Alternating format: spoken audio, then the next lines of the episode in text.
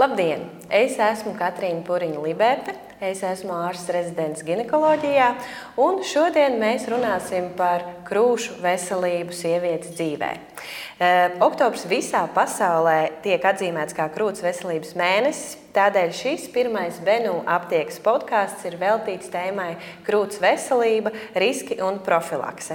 Tās ietvaros viens no Latvijā vadošajiem onkologiem un ķirurgiem, dr. Egīls Purmals, stāstīs par krūts veselības riska faktoriem, ārstēšanas iespējām un profilaks, kā arī par krūts veselības pašpārbaudēm un krūts vēža skrīninga nozīmi. Labdien, doktor! Labdien. Prieks jūs šodien redzēt. Un pirmais jautājums. Lūdzu, pastāstiet, kāpēc ir tik svarīgi veikt sievietei krūšu pašpārbaudi? Nu, krūšu pārbaude ir pirmais faktiski diagnostiskais paņēmiens, ar ko saskarās sieviete, nu, neaizejot līdz ārstam.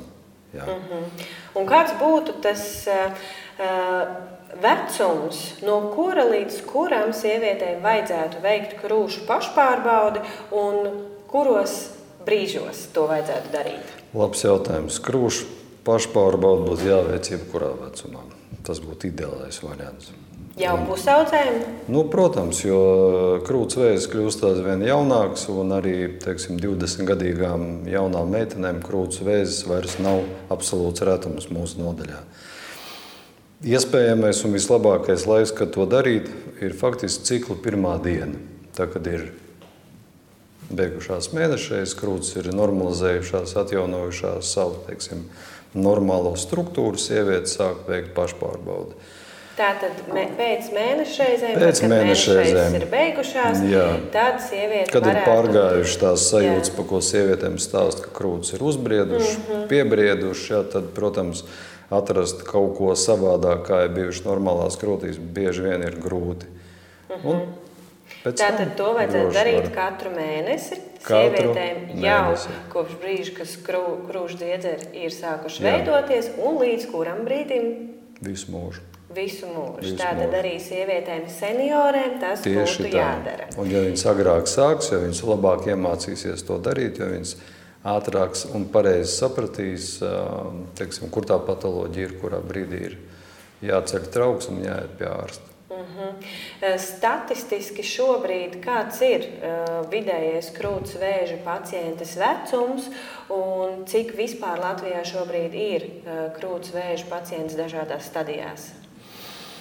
Pa dažādām stadijām pateikt ir grūti. Uz šo brīdi apmēram ik gadu ir tūkstots vidēji krūts saslimšana primāri. Pagājušajā gadā bija 1100 sievietes primāri saslimuši ar diagnozi krūts vēzi.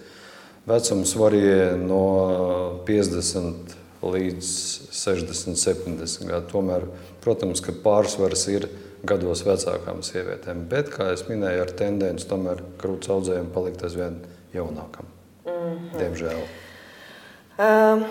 Labi, uh, tad man ir tāds jautājums, atgriežoties pie krūšu pašpārbaudes. Uh, Kā jums šķiet, vai krūšu pašpārbaude vienmēr var palīdzēt atklāt uh, kādas izmaiņas krūtīs? Ja ir konkrēts veidojums, tad jā, bet, diemžēl, konkrēts veidojums krūtī, kur jau var sataustīt, bieži vien nav sākotnējās stadijas audzējs. Tagad modernie, ja tā var teikt, krūts vēži parādās tādi, kurus redz tikai mammogrāmas izmeklējumos, kur palpatora atradne vispār neko nedod.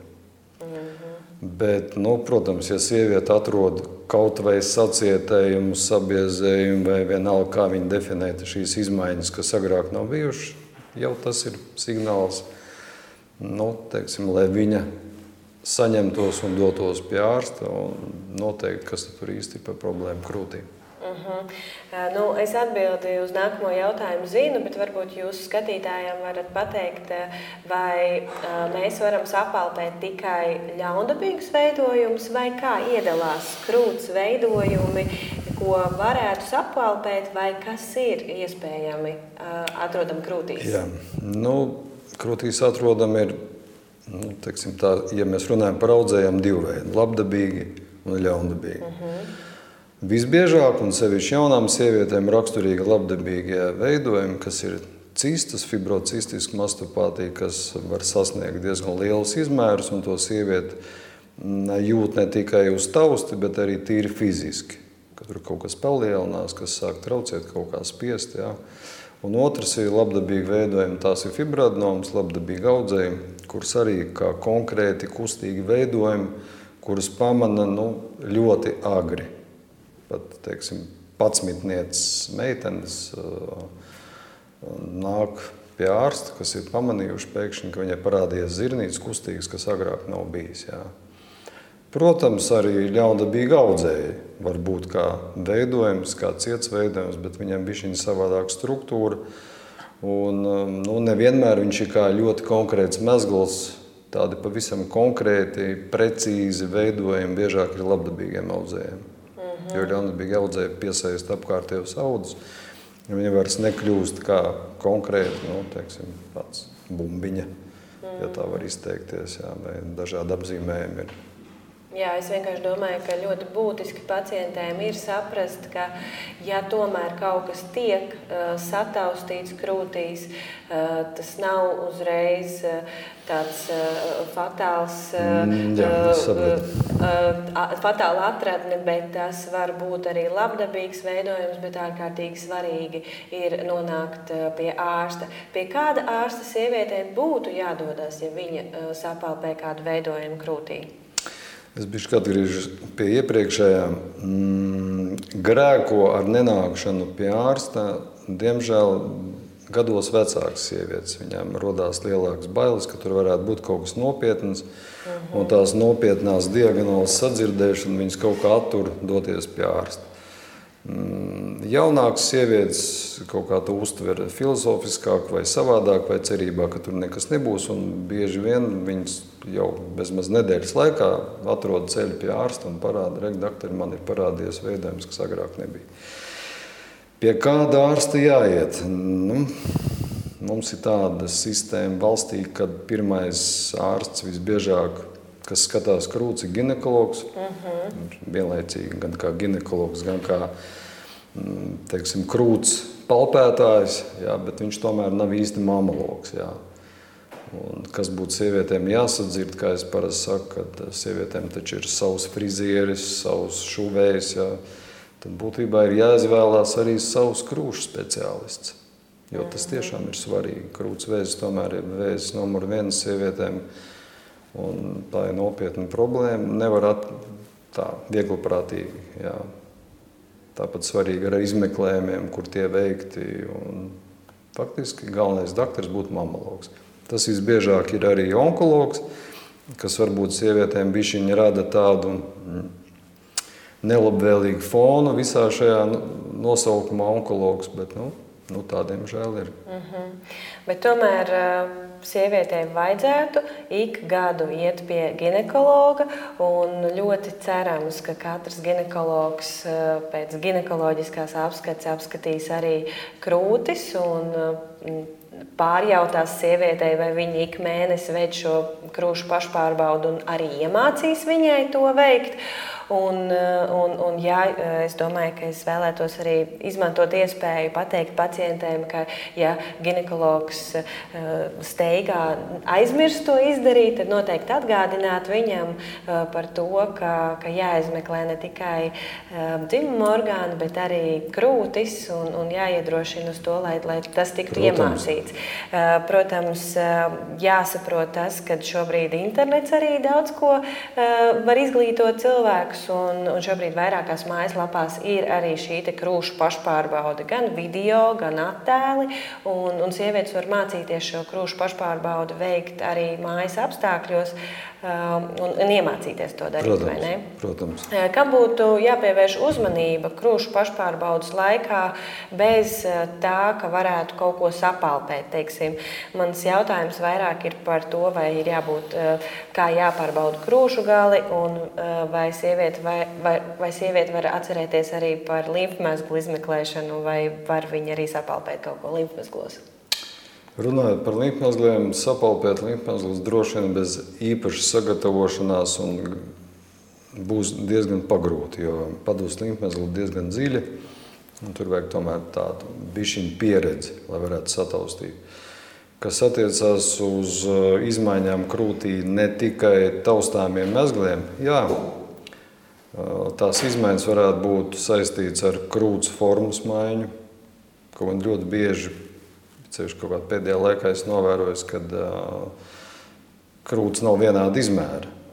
Bet tas ir ļoti dabīgi, cilvēks nav simetrisks. Jā. Mm -hmm. Jā, nu, bet to parasti sievietes zina. Jā. Es vienmēr uzprasu, vai tā krūts ir bijusi lielāka jau iepriekš. Jā, jā, jā. Tā ir viena lieta. Otra lieta, kas ir raksturīga nu, sevišķi ļaundabīgam audzējiem, ir ādas izmaiņas. To var redzēt labi apgaismojumā, pieiet pie spoguļa, pacelt rokas aiz galvas. Un var redzēt, ka teiksim, kaut kādā konkrētā vietā sievietēm āda ievelkās vai ir kaut kas savādāks. Kādreiz pat nevar pateikt, kas īsti tur ir, bet sieviete saprot, ka tajā vietā kaut kas nav riktīgi. Mm. Un tad vēl, teiksim, pieliekot klāt, pataustot palpāciju, jā, konstatē, jā, nu, kaut kas tur ir tāds, kas nav agrāk bijis. Jā. Protams, krūts gala izmaiņas, forma, krāsa, čūlas, ir arī krūts gala vēži, jā, tā saucamie peģeta audzēji kas tieši raksturojās ar krūts galu izmaiņām. To sievieti, jā. Problēma jau ir kāda, kad bieži sievietes tās izmaiņas konstatē. Mhm. Un ar to arī apstājās, ar faktu konstatāciju. Ja tas notiek nākošais solis un iet meklēt speciālistu un atrisināt jautājumu, kas tas ir, tad būtu labi. Bet um, kaut kā mūsu valstī It kā kampaņas saistītas ar krūtsvēju problēmām ir ļoti daudz, ļoti bieži un nu, liekas, kur nu vēl vairāk. Jā. Bet tā īsti tā problēma nerisinās. Kā jums šķiet, kāpēc? Nu, teiksim, runājot aizskrienot bišku uz priekšu par skrīningu problēmu, jā, kā notiek teiksim, attīstītās valstīs. Maz ir tas, kad ir noteikts apzināts sieviešu daudzums, sievietes, kurām jāiziet skrīnings. Pie mums tas ir vienkārši. Tur atnāk vēstule, vai sieviete zina, ir dzirdējuši. Tad tur ir konkrēti cilvēki, kas seko tam. Mm -hmm. Un, ja nav atnākusi, viņai tiek piezvanīts, viņai tiek atgādināts. Ja? Un tas ir tāds nu, cilvēks ir tāds kūtrs pēc savas būtības. Jā, un, un vēl ir jābūt kādam papildus tādam faktoram, elementam, cilvēkam, kas nāk un tevi tomēr pasaka, ka jānāk uz pārbaudi. Nezinu, varbūt kaut kāds kopējs izglītības līmenis. Grūti pateikt, kāpēc mūsu sievietes ir tik kūtras uz, uz pārbaužu veikšanu. Uh mhm. -huh. Par to liecina arī teiksim, skrīninga dati. Mm, pie mums apmēram tas darbojas uz 40% vidēji. Turpretī ārzemēs tie ir 80 un 90. 70, 80, jā. 90. Tādā valstī, teiksim, ja nemaldos, ka Slovenijā ir 90%. Man šķiet, Zviedrijā arī bija 90. Jā, nu Skandināvija arī, jā. Nu, droši vien, kā visi teiks, tas ir finansējuma problēmas. Kaut gan skrīnings maksā ļoti dārgi un izdotā nauda apsekojot arī šos 40%. Nu, nu nevar teikt, ka viņi zemē nomest naudu, bet tā viņi neveic to funkciju, kas viņiem būtu jāveic. Jo pēc tam ārstēšanas izmaksas, kas ir teiksim, sievietēm, kas nav atnākušas kaut kādiem iemeslu pēc, vai palaiduši garām, vai vispār ignorējuši, ir daudz lielāks nekā maksā skrīninga mammogrāfija priekš valsts. Uh mhm. -huh. nu tad, eh, lai mēs eh, sakārtotu eh, šo tēmu, tad man tiešām būs jāuzdod jautājums, kas ir krūts vēža skrīnings Latvijā. Vai jūs varētu tādā saprotamā valodā pacientiem izstāstīt to? Krūts vēža skrīninga pamats ir agrīna krūts vēža diagnostika. Uh. -huh. Galvenā krūts vēža diagnostika skrīningā ir mamogrāfija. Katrā valstī apmēram plus mīnus tas vecuma diapazons, kurā tiek veikts skrīnings, ir dažāds. Latvijā tas ir no 50 līdz 69 gadi, kur notiek valsts apmaksāts skrīnings, kuras sievietes saņem vēstuli. Un pēc jaunākām Eiropas vadlīnijām tas ir reizes divos gados. Tas ir pie normālām teiksim, krūts izmaiņām, ja nav nepieciešamība veikt biežākas. Jo mammogrāma ir izmeklējums mammogrāfijas attēls, kur visātrāk var redzēt izmaiņas krūtīs, krietni pirms tam, pirms viņas var sataustīt. Tas ir teiksim, tie audzēji tipi, par kuriem es stāstīju, kas raksturējas ar to, ka viņi nevar iztaustīt. Jā. Un tad var noķert vēzi agrīnā stadijā, tad ir pavisam cita ārstēšanas rezultāti, tad ir pavisam citas operācijas. Viņas nav kropļojošas. Tas var būt viens no faktoriem, no kā sievietes baidās. Viņam liekas, ka teiksim, krūts tiks noņemta, zaudēta. Jā, un, bet tieši izējot skrīningu, tiek konstatēts agrīns vēzis, kad var izdarīt krūts saglabājušu operāciju. Būtībā vizuāli kosmētiskais efekts no tā nemainās. Ārstēšanas tālākās prognozes un perspektīvas arī nemainās. Jo sen ir pierādīts, ka krūts operācija apjoms nav atkarīgs. Teiksim, viņš neietekmē attēlos rezultātus. Uh mhm. -huh. Un kādi ir tie soļi? Sieviete saņem vēstuli uz savu deklarēto dzīves vietu, un tad viņa ar šo vēstuli uh, griežas kur? Ļoti labs jautājums. Es tagad negribu runāt par kopējo mammogrāfijas aprakstu kvalitāti Latvijā. Tas nav mans lauciņš. Jā. Uh -huh. Tas būtu jārunā ar radiologiem. Bet nu, tā praktiskā darbība pierāda to, ka nu, ir liela starpība, protams, kur ir veikts. Nav svarīgi, uz kāda aparāta ir veikts. Kā es parasti cilvēkiem saku, svarīgi ir, kurš to ir aprakstījis.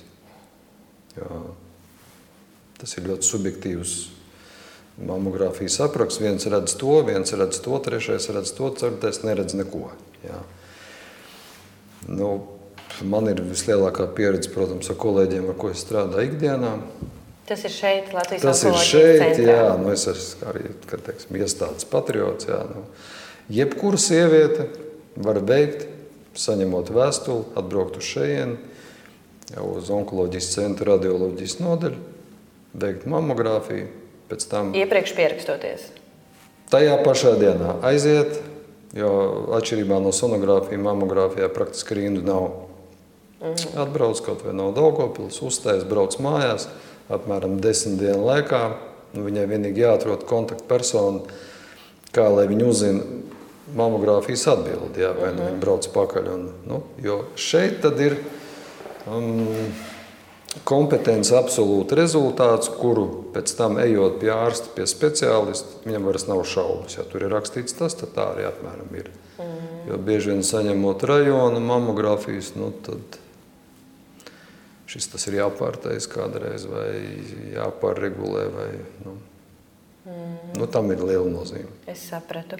Uh, es domāju, ka daudzām sievietēm, noteikti, kurām nav, bijusi, nav bijis mammogrāfijas izmeklējums, uh, būtu jautājums, vai mammogrāfijas izmeklējums ir sāpīgs, uh, un vai viņi to jutīs, vai tam ir kaut kādā īpašā veidā jāgatavojas. Jāgatavojas nav. Nu, ja ir psiholoģiskas problēmas, Protams, uz jebkuru izmeklējumu jāgatavojas, arī ejot pie zobārsta, protams. Jā. Nu, kaut kāda zināms diskomforts, acīm redzot, ir. Tas ir kā sāpes liekas. Katram cilvēkam viena sieviete saka, ka viņai tur jāsaspied krūti, cits saka, nekā nav, trešā saka, ka viņa vispār neko nav sapratusi. Bet, jā, nu, tur notiek mehāniski krūtis saspiešana. Zināmā mērā tā ir. Jā. Bet, kad tur īpaši sagatavošanās vajadzīga. Nu, Vai arī īpaši sāpētu, tā nav un no tā no, baidīties nevajag. No tā baidīties nevajag. Uh -huh. no tā. Man ir jautājums, kas notiek ar sievietēm pēc 69 gadu vecuma, eh, jo, kā mēs runājam sākumā, ka senioriem arī būtu jāiztaust krūtis, eh, bet arī sievietēm pēc 69 gadu vecuma arī varētu būt krūts vēža risks, vai tas ir, vai mums jaunākām sievietēm jārūpējās par mamām un vecmāmiņām, un tomēr viņas jāved uz mammogrāfiju arī pēc šī skrīninga. Jā. tām vecākām sievietēm jārūpējas par jums, jaunām sievietēm jāved uz mamogrāfiju brīžiem, ja ir kaut kādas neskaidrības. Jā. Tā jums jārūpējas arī par tām vecākām kundzēm, bet tur jau vairs nebūs valsts apmaksāta. Tas jau būs kā maksas pakalpojums. Uh mhm. -huh. Un cik tas maksā, jūs apmēram zinat? Nu, kā kurā vietā apmēram 30, 40 eiro tas maksā. Mhm. -huh. Un tur arī kā vajadzētu šo reizi divos gados pēc 60 Jā, ir absolūti, ja iepriekšējās mammogrāmas ir absolūta norma, protams. Jā. Mm -hmm. Ir jau, protams, var izveidoties tā saucamais intervāla audzējs jā, starp izmeklējumiem. Bet viņš tik un tā nebūs tik liels, agresīvs un ielaists, kā izlaižot kaut kādu lielu ciklu periodu, kad vispār nav vietas, nekāda izmeklējums nav veikts. Mm -hmm. Paldies. Eh, nu, ņemot vērā, ka jūs arī teicāt, ka krūts vēzis eh, paliek jaunāks, Un ņemot vērā, ka diemžēl skrīnings ir tikai no 50 gadu vecuma, man ir jautājums, ko darīt eh, jaunākām sievietēm, jo ņemot vērā šīs te audu pārmaiņas, ka jaunām sievietēm ir vairāk šie dziedzeraudi un vecākām ir taukaudi, mēs zinām, ka varētu būt ka sievietēm pēc 40 gadu vecuma vajadzētu jau sākt domāt par mamogrāfijas izmeklējumu, un jaunākām vajadzētu tomēr domāt par krūšu sonogrāfiju. Vai mēs varam runāt par to, ka jaunākām sievietēm no apmēram 20 gadu vecuma vajadzētu reizi gadā veikt sonogrāfijas izmeklējumu, un tad varbūt jau no šiem 40 gadiem pašām, kā eh, pašiniciatīvas aktu, veikt šo mamogrāfiju. Kā jūs uz to raugāties?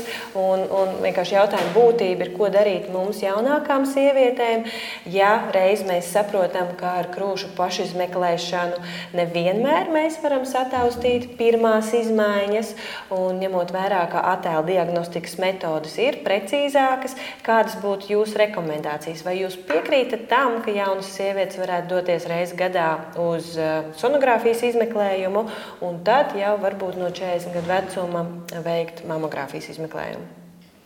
Absolūti piekrītu. Jo man kā klinicistam, kā ķirurgam, kā es parasti saku pacientiem, es esmu absolūti atkarīgs no radiologa. Mm -hmm. Jo ļoti bieži ir izmaiņas krūtīs, kuras nevar sataustīt. Es saku, man jau rokās nav sonogrāfijas tur. Jā. Kā saka, iespējas atrast. Jā. Loģiski, ka katrai jaunai sievietei jārūpējas par savu krūts veselību. Ja liekas, ka es tur īsti nevaru sataustīt, vai man liekas, ka kaut kas tāds reizi gadā uztaisīt sonogrāfiju, un jums ir absolūta taisnība, ka jaunām sievietēm sonogrāfija ir pamatmetode. Uh mhm. -huh. Jo vecākām sievietēm ar taukaudiem sonogrāfijas attēls nebūs tik kvalitatīvs, nebūs tik pareizs, nebūs tik precīzs un nebūs īstā diagnostikas metode. Ja? Var taisīt reizes pusgadā. Jo sonogrāfijas metode absolūti nekaitīga priekš pacienta. Un tur redz nu, izmaiņas, kaut vai labdabīgas izmaiņas, kaut vai tās pašas citas, kaut vai tās pašas fibroadenomas. Mm -hmm. nu, gadās arī ieraudzīt kaut ko nopietnāku. Tā kā... Un tad tāpat jāiet uz mamogrāfiju? To jau izlems radiologs mm -hmm. visticamāk. Jā. Jo nevajag no tā kautrēties, kā man kādreiz teica viens vecāks ārsts. Rūpes par savu veselību ir inteliģents rādītājs. Mm -hmm. Tā kā kautrēties, iet uz izmeklēšanām nevajag. Mm -hmm. Un te jūs piekrītat tam arī, ka uh, to mamogrāfiju varētu veikt uh, pat agrāk, vai, jums, vai jūs būtu ir, priecīgs par ir, to, ka skrīnings norisinātos ātrāk? Varbūt? Jā, ir, ir valsts, kuras, uh, kurās arī tas tā tiek mēģināts darīt. Kādreiz tika likts uzsvars un bailes uz to, ka mamogrāfija tāda krūts apstarošana, bet eh, no radiologa viedokļa, nu, ja tam var tā ticēt, faktiski tā staru deva ir viens lidojums ar lidmašīnu. Mm -hmm. Tā kā nekas tur arī briesmīgs nenotiek. Mm -hmm. Arī mammogrāfijas laikā. Jā, piekrīt, ņemot vērā sevišķi, ka krūts audzējs kļūst aizvien jaunāks. Nu, tā būtu absolūta norma. Uh -huh. Labi, nākamais jautājums man ir par riska faktoriem. Kādi ir krūts vēža riska faktori, cik liela ietekme ir ģenētikai un cik liela ietekme ir dzīvesveidam? Pēc literatūras datiem ģenētika apmēram 5-10%. Protams, iedzimtībā ir liela loma, kas varbūt līdz galam nav izpētīta. Jā. Tas, ka dzīvesveids to ietekmē, nu, tas gan ir absolūti skaidrs. Jā. To mēs zinām pat mazi bērni. Smēķēšana, alkohols, nepareiza ēšana, jo aptaukošanās veicina mm, estrogēna līmeni palielinošu ietekmi, kas nepatīk krūts vēzim un no kā viņš veidojās ļoti bieži. Tas ir uh, liels estrogēns sieviešu hormonu ekspozīcijas laiks ķermenī. Jā. Tāpat jābūt uzmanīgām sievietēm, kurām ir agras mēneša reizes pirms 12 gadiem, vēla menopauza – pēc 50 gadiem. Tas nozīmē, ka viņas par savu dzīvi ir saņēmuši krietni devu estrogēnu, kas var ietekmēt un izraisīt krūts vēzi. Nu, tāpat arī jāsaka, vēlas pirmās dzemdības pēc 30 nav labākais faktors. Jo lielākais estrogēnu līmenis ir agrā jaunībā, un ja tad dzimst bērni, tad uz to laiku teiksim, tas estrogēnu līmenis uz kādu laiku tiek izslēgts ārā. Jā. -hmm. Tāda nu, sīkums, bet tie nav sīkumi tomēr. Mm -hmm. Aktīvs dzīvesveids, teiksim, sports, fiziskās aktivitātes arī ir pilnīgi pierādīts, ka samazina iespēju saslimt ar krūts vēzi. Un pēc tam, ja arī bijis tas krūts vēzis, daudz labāk rada apstākļus viņam neatjaunoties. Jā ka fiziskam aktivitātēm arī ir ļoti liela nozīme. -hmm. Un runājot par šo te, ģenētisko fonu, tām sievietēm, kurām varbūt ir mamām vai vecmāmiņām, ir zināms, ka ir bijis krūts vēzis, vai ir kādas ģenētiskas analīzes, kuras viņi varētu veikt, lai zinātu, vai viņi ir šo gēnu nesētāji. Es runāju par BRCA gēnu. BRCA1, BRCA2 gēnu analīzi var veikt šobrīd Gulba laboratorijā. Uh mhm, -huh. Un tas būtu vēlams šām sievietēm, kuras zina, ka ģimenes anamnēzē ir jā, jaunām, te... jaunām sievietēm krūts, krūts audzējs, volnīts audzējs. Jā, tad, protams, viņas var veikt šo analīzi. Un tad viņas veic šo analīzi un, teiksim, pie pozitīva rezultāta nu, viņām krūts izmeklējumi būtu obligāti. Principā tas ir jā, jo it sevišķi pie BRCA2 ir lielāks risks, un faktiski no 25 gadu vecuma šādām sievietēm būtu jāveic magnētiskā rezonanse reizes gadā. Tādas rekomendācijas, ja? Nu, tā, teiksim, vismaz Amerikā dara. Mm -hmm, mm -hmm. Uh, labi, tad uh, sieviete zinās, ka var iet uz gulbju laboratoriju un nodot. Jā. Tas, protams, noteikti ir maksas pakalpojums. Jā. Mm, bet vai nu vajag nosūtījumu no ģimenes ārsta? Ar nosūtījumu būs vieglāk. Tas izdarāms -hmm. loģiski. Man ir jautājums, nu, šobrīd ir diezgan populāri sievietēm skaistuma nolūkos ievietot krūtīs krūšu implantus. Un, un, un man ir jautājums, vai krūšu implantu ievietošana var būt kā riska faktors krūts vēzim, vai tieši otrādi samazināt to, vai, vai savukārt ar krūšu implantiem ir vieglāk vai grūtāk nodiagnosticēt krūts vēža pirmās izmaiņas. Par riska faktoriem nu, vēsture klusē par šo jautājumu. Vienbrīd bija tāds tēzes, ka tas varētu izraisīt kādu citu veidu onkoloģiskas saslimšanas, bet konkrēti iespējot krūšu vēža attīstību nē. Vai tas apgrūtina diagnostiku? Es domāju, pieredzējuši radiologa skatījumā tas absolūti neko neizmaina. Var veikt arī mamogrāfiju, izmeklējumu arī implantu, ko varbūt pat daudzi nezina, ka tādas iespējas. Protams, viens no labākajiem izmeklējumiem ja ir implants, ir magnētiskā rezonance, kur redz atsevišķi implantu un krūts dziedza raudus. Jā, iespējas ir plašas. Nu, tas sievietes izvēle grib būt skaista, viss ir kārtībā, un pie reizes arī var būt vesela, vienkārši iet paralēli un izmeklēties. Mm -hmm. Tā tas arī notiek. Jo bieži vien sievietes, kas ir ielikuši implants, nu, viņām interesē ne tikai krūts izskats, bet arī krūts veselība. Tā ir. Uh -huh, uh -huh. Ir Varbūt diezgan, viņas pat rūpīgāk izmeklējās. Viņas pat rūpīgāk izmeklējās. Jā. Man pat tā praksē nav atmiņā, kad tieši tām sievietēm, kurām ir ievietoti implanti, nu, nākt un ļoti daudz būtu ļaunprātīgi audzēt. Tā. Ne. Mm -hmm. tā nevar teikt. Vismaz man nav bijuši. Labi. Uh, ņemot vērā ka viens no uh, faktoriem, kas varētu samazināt uh, krūts vēzi, ir bērna zīdīšana. Uh, pēc Pasaules veselības rekomendācijām no sešiem līdz pat, mēnešiem līdz pat gadam bērna zīdīšana varētu samazināt krūts vēža risku.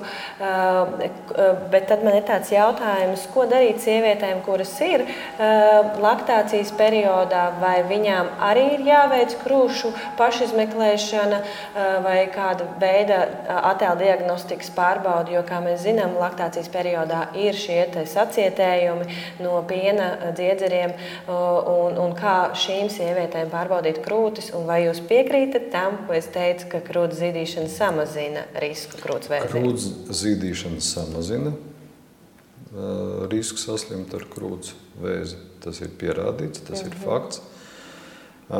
Ja runājam par grūtniecības laiku un krūts veselību, tad ideālā variantā pirms, nu, ja teiksim, mazulis tiek plānots,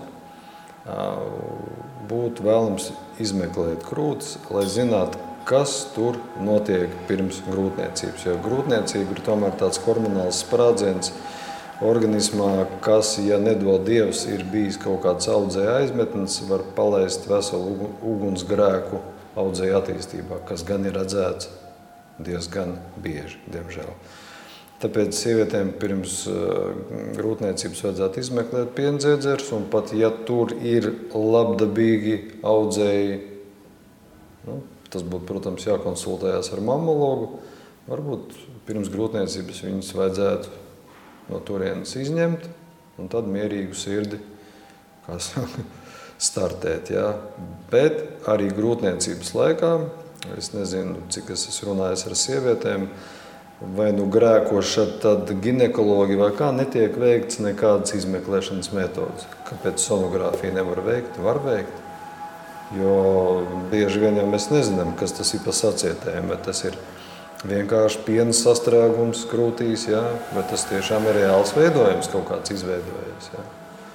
Sonogrāfijas metode vienmēr paliek aktuāla. Mm -hmm. Arī grūtniecības laikā, pēc grūtniecības, pēc dzemdībām, bērnu zīdīšanas laikā. Nu, obligāti. Mm -hmm. Tāpat tās pašizmeklēšana, sonogrāfija. Mm -hmm. uh, Jā, tam es piekrītu. Uh, bet kā ir, teiksim, uh, ja mēs runājam par hormonu ietekmi uz sievietes veselību un sievietes krūšu veselību, tad kāds ir jūsu viedoklis uh, par hormonālo kontracepciju un tablešu lietošanu? Vai tas palielina vai samazina krūts vēža risku pacientiem? Mēs tieši skatījāmies vakar apmēram tādus literatūras datus, kopējos kopsavilkumus, svārstās, kad varētu plus mīnus ietekmi, ja runājam par krūts audzējiem, kaut kur līdz 7% var būt palielināta. Varbūt. Ja. Bet eh, tādu konkrētu norādījumu, ka perorālā kontracepcija tiešām palielina un ietekmē un brīdina, kad nevajadzētu to darīt, nu, tā nav. Ir Kādas ļoti... būtu jūsu rekomendācijas sievietēm, kuras lieto šo orālo kontracepciju, eh, pastiprināti, eh, uzraudzīt krūšu veselību?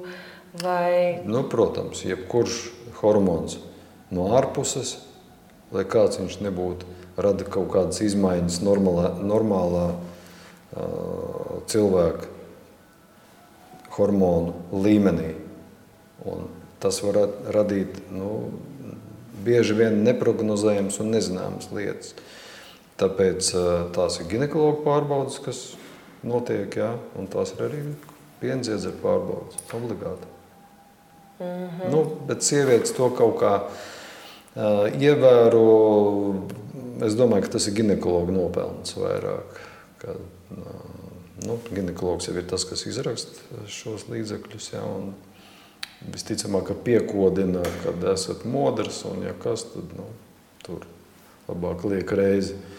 Izdarāt pārbaudi, nekā nu, nedod Dievs kaut ko tur palaiž garām. Bet es saku, tas tā absolūti tomēr pierādīts nav. Es te netaisos nevienu sievieti baidīt šobrīd, ka tā nedrīkst. Tā teiks, ka tas purmals tas stāst visiem. Nepatiesības. Ne, un, Jā, nu es nesen dzirdēju to, ka uh, krūts vēža saslimšanas nepaliks mazāk, tās paliks uh, vien biežāk, un vispār onkoloģiskās slimības Latvijā uh, paliks vairāk. Man šķiet, tas bija dr. Eglīts, kurš teica raidījumā, ka uh, pēc desmit gadiem katrs 15. cilvēks Latvijā būs ar onkoloģisku saslimšanu. Šādi ir šī brīža provizoriskie dati. Tad lēnām sarunu noslēdzot, man ir tāds jautājums, kā jums šķiet, kāda būtu ideālā paciente, kāds būtu tas varbūt ideālais dzīvesveids un, un soļi ieteicamie, kas viņai būtu jādara, lai viņa nesaskartos ar onkoloģisko saslimšanu dzīves laikā, tajā skaitā ar krūtsvēzi. Nu, tie varētu būt faktori, kurus cilvēks var ietekmēt. Cilvēks nevar ietekmēt iedzimtības faktorus. Kāda nu viņi ir, tāda viņi ir. Bet vispār jā, sieviete var izvēlēties absolūti pati. Tas ir dzīvesveids, dzīves stils, paradumi, ieradumi, attieksme pret sevi, attieksme pret savu veselību, vispār attieksme pret dzīvi. Man bieži uzdod jautājumu, no kā? Es atbildu no dzīves. Arī varbūt kādreiz jāmaina attieksme pret dzīvi pozitīvāk jādzīvo.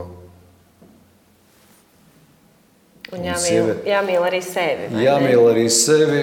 Un, um, nu, tā, tā domāju es, kad sievietei ir jābūt sievietei pirmkārt. Daudz problēmas rodas no tā.